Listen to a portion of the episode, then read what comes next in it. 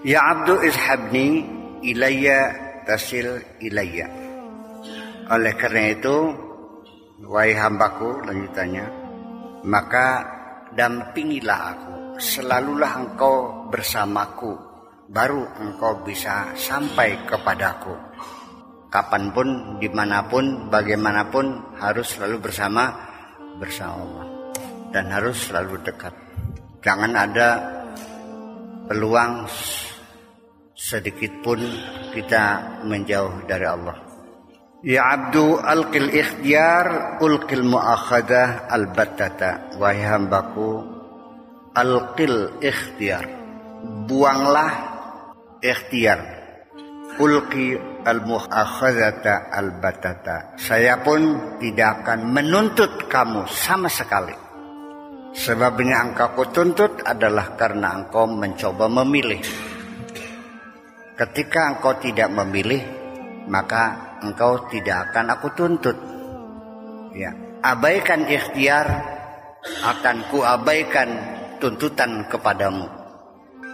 Ini kembali yang jadi persoalan adalah indoktrinasi agama yang kita alami dari sejak kita kecil selalu dicekoki wajib ikhtiar. Ya kan? Betul nggak? Wajib ikhtiar. Saya pernah memakai hak pilih itu hak pilih saya pakai. Tetapi ternyata tidak pernah sekalipun pilihan saya sesuai. Semakin tambah ake pala pilih pala pilih akhirnya olie boleng maning. Sesudah berpengalaman bahwa memilih selalu salah.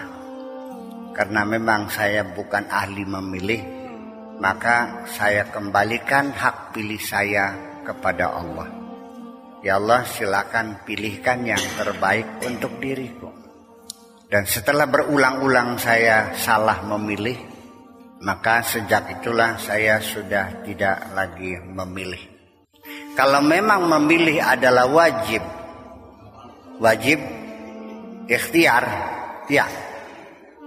Sang malaikat datang memerintahkan kepadaku, wahai hamba Allah, engkau harus memilih.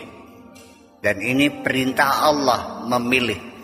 Oke, kalau memang itu perintah Allah suruh memilih, saya tidak mungkin bisa menolak perintah Allah. Allah karena ini perintah Allah harus memilih. Maka saya pun atas perintahnya saya jalani. Perintah Allah untuk memilih saya jalani Oke, okay. kalau memang saya harus memilih dan wajib, wajib ikhtiar, ya sudah, saya pun akan memilih. Setelah itu lalu ditanya oleh malaikat, apa pilihanmu wahai hamba Allah? Sudahkah engkau mengambil pilihan? Saya katakan sudah wahai malaikat. Aku sudah memilih. Ketika bertanya apa pilihanmu? Ku katakan pilihanku adalah untuk tidak memilih. Saya mau nanya, tidak memilih pilihan bukan? Ya sudah, berarti kalah mereka ya. ya iya kalah. Sebab saya nggak tahu dari mana dasarnya buku-buku yang saya baca, pengajian-pengajian yang saya ikuti sejak kecil selalu wajib ikhtiar. Iya. Allah memang menentukan ya perjalanan hidup kita. Tapi kita wajib ikh, ikhtiar kan bisa begitu. Nggak tahu dari mana alasannya. Padahal Allah telah berkata lebih jelas. Inna Allah yakhluqu ma yasha wa yakhtar maka lahumul khiyar. Mana yang lebih kuat? Kata ulama atau kata Allah? Jadi innallaha satuhune Gusti Allah iku yakhluqu mencipta sapa Allah. Ma yasa'u apa pun yang dia ingini. Allah menciptakan apa pun yang dia inginkan. Wa yakhtar Allah yang memilih. Allah yang memilih. Maka nalahumul khiyara. Mereka tidak punya hak pilih. Semuanya Allah yang memilihkan. Sekarang mari kita uji. Mana yang benar antara Allah yang mengatakan mereka tidak punya hak pilih. Yang milih Allah semua. Dengan mereka yang mengatakan wajib ikhtiar. Mari kita uji. Pak Haji Sulaiman lahirnya di mana? Di Sukra, Pilihan siapa Anda lahir di Sukra? Oh ketepatan. Siapa yang membuat ibu ente di Sukra? Kenapa beli ning Los Angeles? Lemon anak duitnya mana beli? Siram metune lanang tawadon. Lanang tawadon metune sering lemdunya sebagai laki sebagai perempuan. Yang milih Anda jadi laki-laki siapa? Ah ya wes nembe pinter. Kita uji. Ibunya Bapak Haji Sulaiman siapa namanya? Haji Siti Soleha. Atas pilihan siapa Anda keluar dari Ibu Haji Siti Soleha? Oh gitu, Allah juga. Ada juganya ya, Allah juga. Iya. Kenapa Anda nggak keluar dari perutnya Ibu Tin? Kalau Anda keluar dari perut Ibu Tin, tidak seperti ini Anda mungkin. Mungkin sudah punya pabrik mobil. Pernahkah Anda mengisi daftar formulir kehadiran di dunia? Nggak ada. Nama, titik-titik, silakan pilih. Lahirnya desa, titik-titik, pilih kecamatan titik-titik suruh milih, kabupaten titik-titik milih, negaranya milih, ibunya suruh milih, bapaknya suruh milih. Pernah ngisi gituan enggak? Jadi bagaimana prosesnya Anda keluar nih?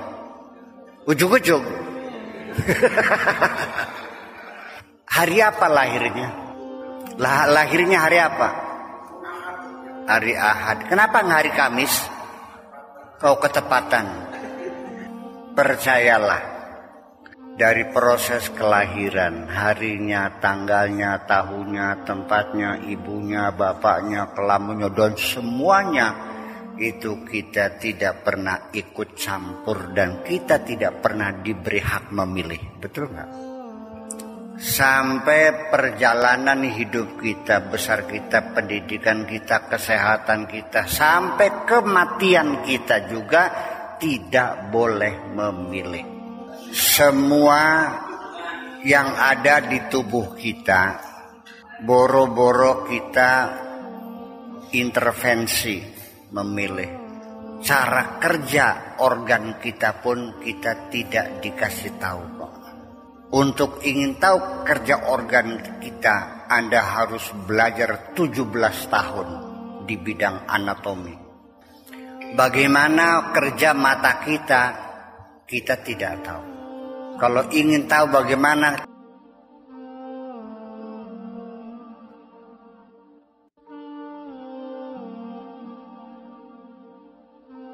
Dia abdu idza ra'aitani apabila engkau telah benar-benar melihat aku fakun fil ghaibati maka engkau harus dalam ghaibah dalam ketiadaan. Kalau engkau sudah melihat aku engkau harus dalam kondisi tiada langka.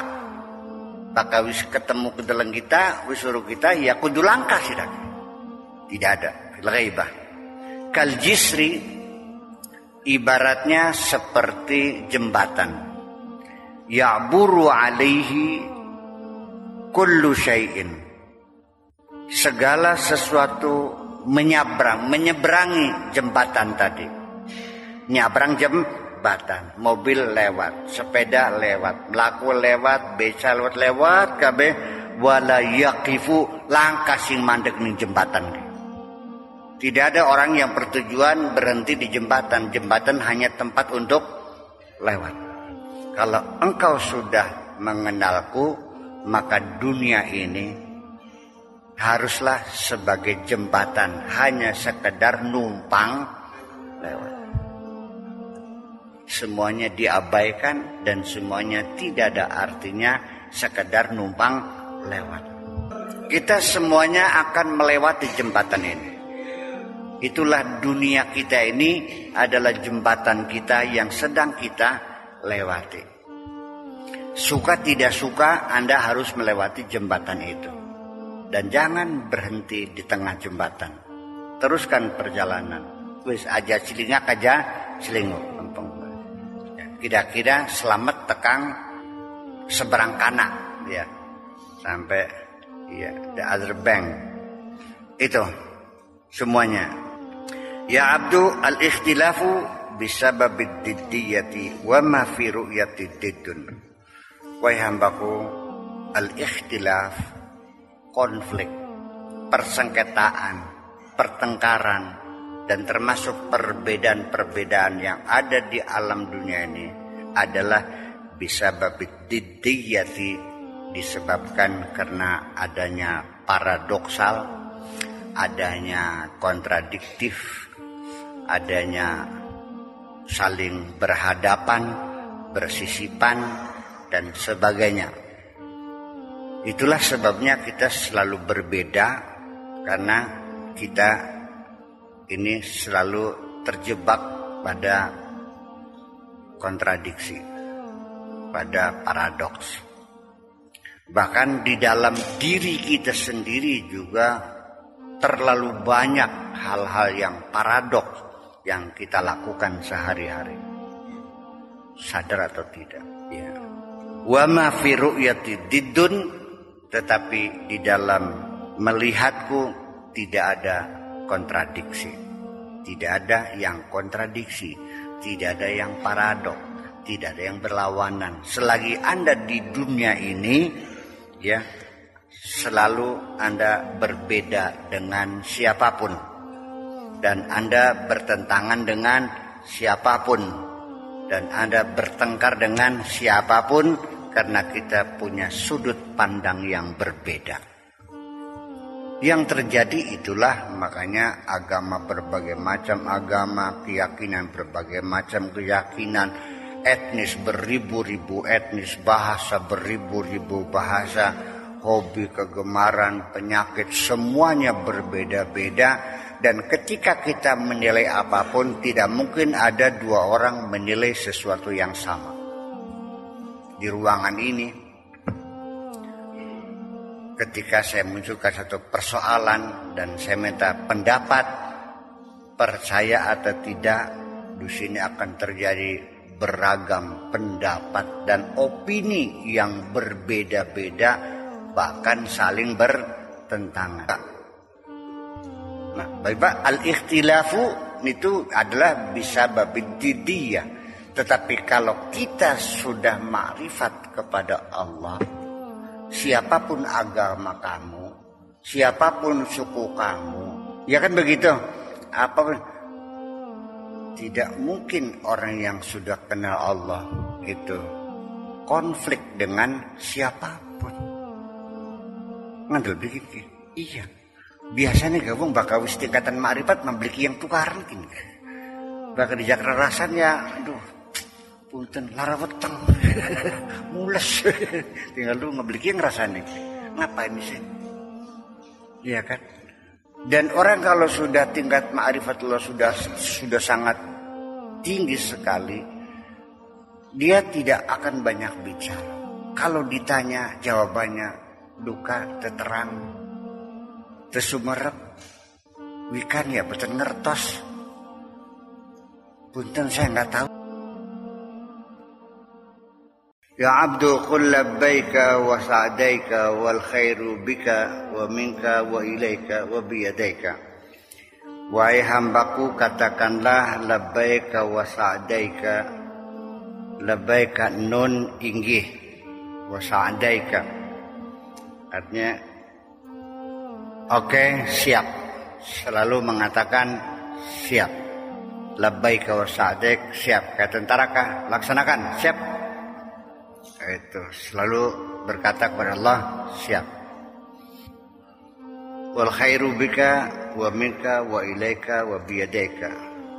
Dan segala kebaikan adalah karena engkau dari engkau kepada engkau dan di kedua tangan engkau katakan seperti itu bahwa semua kebaikan adalah dari Allah sebabnya adalah karena Allah tujuannya adalah asalnya dari Allah dan tujuannya untuk Allah dan di hadapan Allah. Katakan seperti itu. Bahwa apa pun kebaikan-kebaikan yang kita dapati yang diberi oleh siapa pun termasuk kebaikan-kebaikan yang kita lakukan untuk siapa pun itu semuanya dari Allah untuk Allah. Bahwa kebaikan itu adalah bika dengan sebab engkau. Dengan sebab engkau. Artinya yang menyebabkan seseorang mau menolong kita. Itu juga sebabnya karena dikehendaki oleh Allah. Kalau Allah tidak berkehendak, ya nggak mungkin orang itu menolong kamu kok. Apa sih dasarnya orang menolong kamu? Sebabnya orang lain menolong kamu itu sebabnya satu. Dia memang ada uangnya. Punya uang. Sekalipun dia punya uang belum tentu dia menolong kita. Kalau uang itu masih dia perlukan. Jadi syarat yang kedua orang itu sedang tidak memerlukan uangnya. Kalaupun dia uangnya ada, dianya tidak butuh dan lebihnya ada. Tapi kalau dia nggak senang sama kita, nggak juga. Dia senang, tapi kalau dia nggak percaya, jadi berapa persyaratannya orang menolong kita? Tidak semudah itu. Iya kan? Jadi semua proses proses orang menolong kita sendiri sangat panjang dan tidak mungkin itu terjadi secara kebetulan. Itu yang maksudkan wal khairu bika. Setelah bika lalu mingka. Setelah kita menerima kebaikan dari orang itu menolong kita dengan sejumlah uang itu pun harus kita yakini bahwa ini pertolongan dari Allah bukan dari orang itu. Dia mah disuruh oleh Allah. Yang berkeinginan untuk menolong kita adalah Allah dan pertolongan itu Allah. Kenapa kita katakan kebaikan itu dari Allah? Artinya kita tidak boleh terikat dengan kebaikan siapa pun. Dan kita tidak boleh terikat kakuilat kala belenak karena orang itu telah berbuat baik kepada kita. Nah, kebaikan yang semacam itu adalah kebaikan yang mengikat. Sehingga kita tidak mendapatkan kebebasan untuk berbuat karena diikat dengan kebaikan-kebaikan itu. Berarti kebaikan yang dilakukan oleh orang itu tidak lebih hanyalah sebagai ranjau untuk memperbudak diri kita. Kemudian wa ilaika dan apa yang kita lakukan kebaikan ini semuanya untuk Allah, bukan untuk orang itu. Sebab kalau kita berbuat baik karena melihat seseorang itu, karena senang sama orang itu, karena kasihan sama orang itu, maka percayalah di penghujungnya kita pasti akan dikecewakan. Dengan sebab yang paling kecil, umpamanya penghargaannya kurang sepadan dengan kebaikan kita. Lah dibantu je satu juta mung sekedar kesuwun lius si priben pun. Ya, kekecewaan kita muncul karena semua kebaikan kita bukan untuk Allah. Percayalah. Makanya apa pun yang kita lakukan semuanya kita tujukan saja kepada Allah. Jangan berharap untuk mendapat imbalan atas kebaikan-kebaikan itu kecuali dari Allah. Wa ma as'alukum alaihi min ajrin in ajriya illa ala rabbil alamin. Jadi begini, ini kekecewaan-kekecewaan kita setelah kita berbuat baik. Muncullah peribahasa-peribahasa yang beragam sekali menunjukkan betapa manusia terlalu sering dikecewakan oleh kebaikan-kebaikannya sendiri. Yang muncul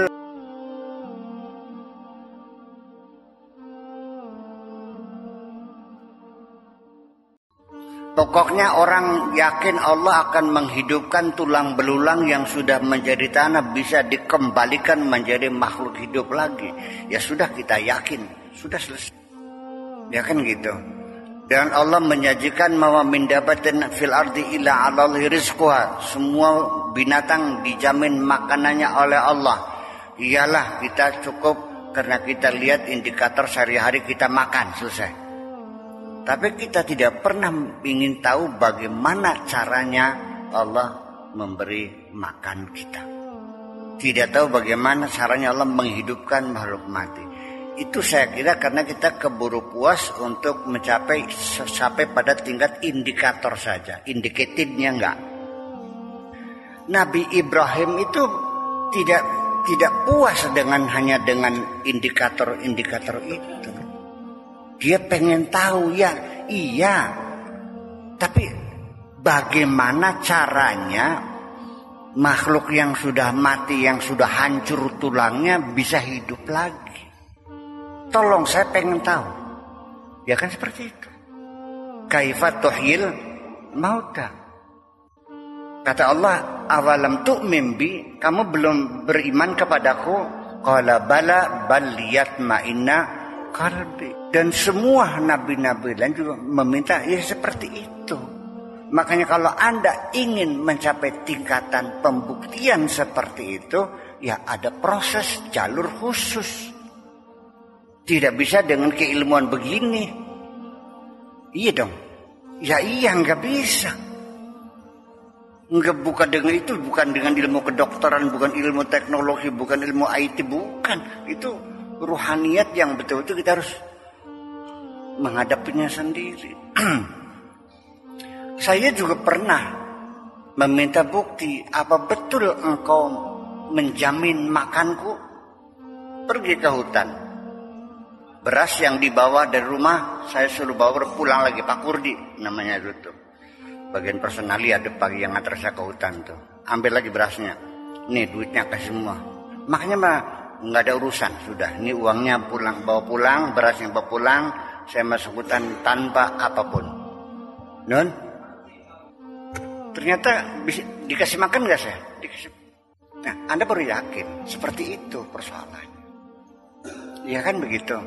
Jadi kalau kekuatan dalil, argumentasi, kajian ilmiah, hipotesa, analogi, ya konklusi, eksperimen, ya seperti itu ya silakan itu sebatas keilmuan, ya kan begitu?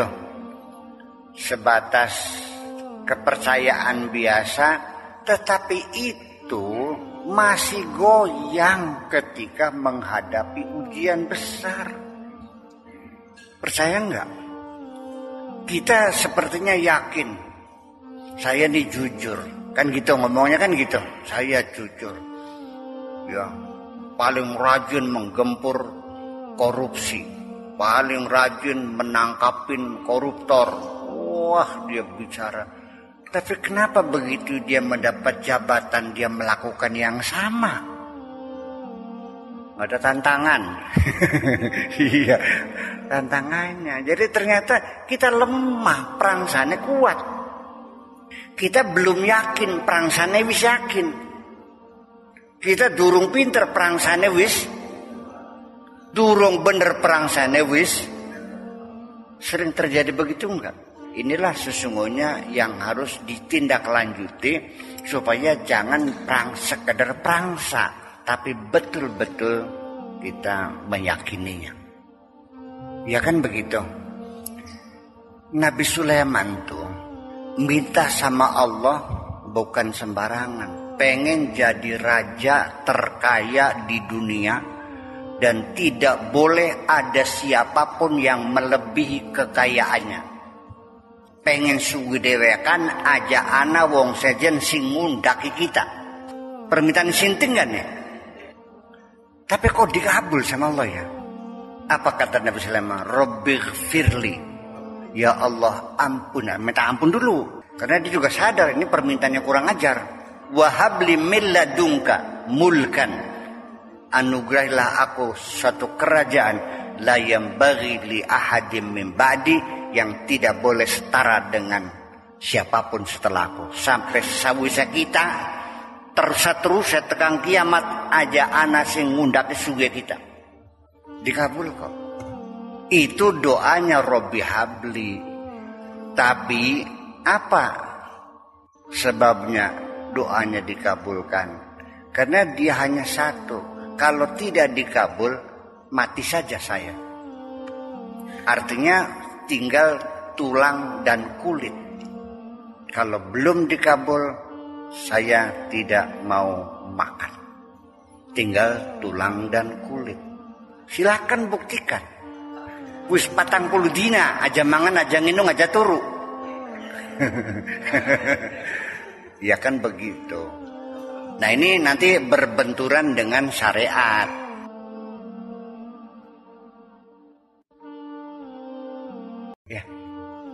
Karena belum bisa menguasai diri teman. Makanya stabilitas psikologis itu menjelang usia 40 tahun silakan perhatikan semua nabi-nabi juga rasul juga itu diutusnya ketika sudah umur 40 Anda umurnya berapa sekarang? Ada 50 lebih 60 50 ya udah sudah sudah saatnya ya nanti nanti bulan Syawal ikut saya lah di hutan dah tapi aja rebut, engkau aja rebutan daging pengen nyalas ini. Ya enggak dong. Bu, bu, ih, ya enggak. Kalau spiritual makin tua makin jadi. Iya. Sampai pengajian-pengajian rohani pun seperti ini. Mulai masuknya itu di atas jam 12. Paham? Pakai sore masa manjinga. Iya, mau kan kalian kan kerja besoknya kan nggak mungkin makin masuk gitu, makin masuk. Ya kanjeng Nabi juga memberikan pelajaran itu malam kok. Di atas jam 12 gitu. Ya abdu idza ra'aitani fasiwa kulluhu dzambun. Wahai hambaku, apabila engkau sudah benar-benar melihatku, ketahuilah bahwa semua ini adalah dosa semua ini selain aku adalah dosa. Kalau engkau sudah benar-benar melihatku bahwa semua inilah dosa. Dosa mata, dosa kuping, dosa cangkem, dosa tangan, dosa sikil, dosa ilat, dosa keringat, dosa segala macam semuanya. Kenapa diberi dosa? Karena akan melalaikan kita. Bahkan mengalihkan perhatian kita akan membelenggu kita semua. iya. Akan mengganggu kita.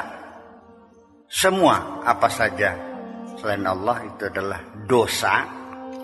Ya, karena berpotensi untuk menyesatkan kita. Innama amwalukum wa auladukum fitnah. Saya masih menjadi manusia yang sempurna. Sempurna sebagai manusianya ya, bukan sempurna ini. Eh, masih utuh maksud saya sebagai manusia. Ketika saya melihat anak saya yang masih kecil awal itu, kadang-kadang metung neseka. Nang niku siapa sih bakal maning sirang niku. Masih metu ya kunyuk ya. Mantel beli. Udah sudah ada mana ya ya udahlah yang penting kita memberi manfaat orang lain ya dan kita melakukan semua dalam rangka untuk nyeneng-nyeneng Gusti Allah.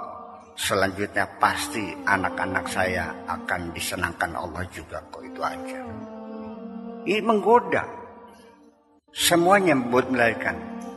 Makanya al-hakumut takasur nih bahwa e, mencari materi ya berebut materi banyak-banyak materi ini akan melalaikan kita. Berpotensi. Betul nggak? Eh lupa semuanya dan kita sendiri jangan dikira bahwa ketika sekarang kita masih baik-baik masih bersahabat ada kebersamaan hormat menghormati. Nalikane sirasugi beli nganter kita nggak usah triliun dah asal anda punya uang 100 miliar saja. Bisa terjadi kita tidak mengenali teman-teman lama lagi. Dan kita menyepelekan orang lain. Dan setiap hari kita melacur dengan cewek-cewek dari hotel ke hotel percaya tidak. Makanya alhamdulillah siraku digawe melarat kabeh syukur sambil bener pamlir ya iya. Alhamdulillah. Jadi kita juga bersyukur juga diberi nikmat juga nikmat melarat. Di balik itu kita mendapat kenikmatan yang luar biasa. Kita damai tidak terganggu. Ya semuanya semuanya itu bermanfaat. Jadi artinya bahwa kalau kita sudah tahu bahwa memang kita tidak punya hak pilih. Tidak disuruh memilih oleh Allah. Suruh laksanakan sami'na wa ata'na ghufranaka rabbana wa ilaikal masir. Sami'na kita terima segala keputusan Allah. Mau lahir di mana, jam berapa, hari apa, dari perut siapa, namanya siapa, kelaminnya apa, besar di mana, sekolah di mana, sami'na. Kita terima semuanya. Wa ata'na dan kita jalani semua apa pun yang Allah pilihkan. Di tengah perjalanan kita menjalani ketentuan Allah apabila ada salah kekurangan ghufranaka ya Allah ampunilah kami. Wa ilaikal masir nanti di penghujungnya yang menentukan aku berhasil atau tidak berhasil aku selamat atau tidak selamat di penghujungnya engkau yang menentukan. Wa ilaikal masir. Kari konon baik yang teman sih. Ning leban siang ale kari nurut baik iya. Begini. Anda pernah sakit enggak? Pernah. Ada enggak di sini yang kepengen sakit? Anda tidak ingin sakit kan? Kenapa anda sakit Berarti kan di luar keinginan Anda. Ada yang ingin rugi. Ada yang ingin rugi. Anda pernah rugi enggak? Ya kenapa Anda rugi? Berarti ada sesuatu yang di luar kemampuan Anda kan? Akhirnya mah sampai tekan limit kontrak. Masa berlaku Anda di dunia ini pun sudah ada ketentuan yang tidak bisa digeser-geser, tidak bisa dimajuin, tidak bisa diun-undurin. Wa ajaluhum kalau masa berlaku kontraknya selesai tidak bisa dimajukan dan tidak bisa di pada detik yang sama. Ukurannya bukan ukuran hari, tapi ukuran bahkan detiknya bukan detik jam ya detiknya Allah itu satu detik bisa dibagi seribu ya. Ya satu per seribu detik. Ya. dan nanti anda pun di mana matinya anda tidak boleh memilih. Bagaimana cara matinya tidak boleh memilih. Yang aneh di Australia ada wacana berkembang di sana tahun kemarin yaitu para dokter di sana sering kali menangani orang sakit yang harapan sembuhnya tidak ada. Hanya menghabiskan uang dan memperpanjang penderitaan yang sakit itu. Sehingga ada wacana bagaimana kalau disuntik mati saja untuk meringankan penderitaan orang daripada cekap-cekap telunggulan beli mati-mati suntik wes sisisan warasnya orang aja nggak ada harapan udah organ tubuhnya udah rusak malah nambah biaya saja Ya, keterlaluan rumah sakit, mati malah anak-anaknya nggak dapat warisan habis buat rumah sakit semuanya. Jadi untuk menyelamatkan hartanya, menyelamatkan dan juga untuk menolong apa namanya penderitaan jangan berlarut. Pikiran ini bisa ditangkap gak ide ini? Bagus nggak kira-kira itu? Oleh rakyat Australia ditolak tidak bisa membunuh manusia apa pun. Biarkan Allah yang mencabut nyawa kita. Ternyata mereka bertuhan juga kok. Bukan cengki pangeran kanak rosirang gini. lah ya itulah persoalannya. Jadi artinya kita tidak boleh memilih bagaimana cara mati kita. Itu diyakini. Boleh nggak saya beli tambang sendiri? Atau ngelindas yang dalam sepur? Oleh beli minum begon. Jadi artinya bahwa tidak boleh kita memilih. Maka nalah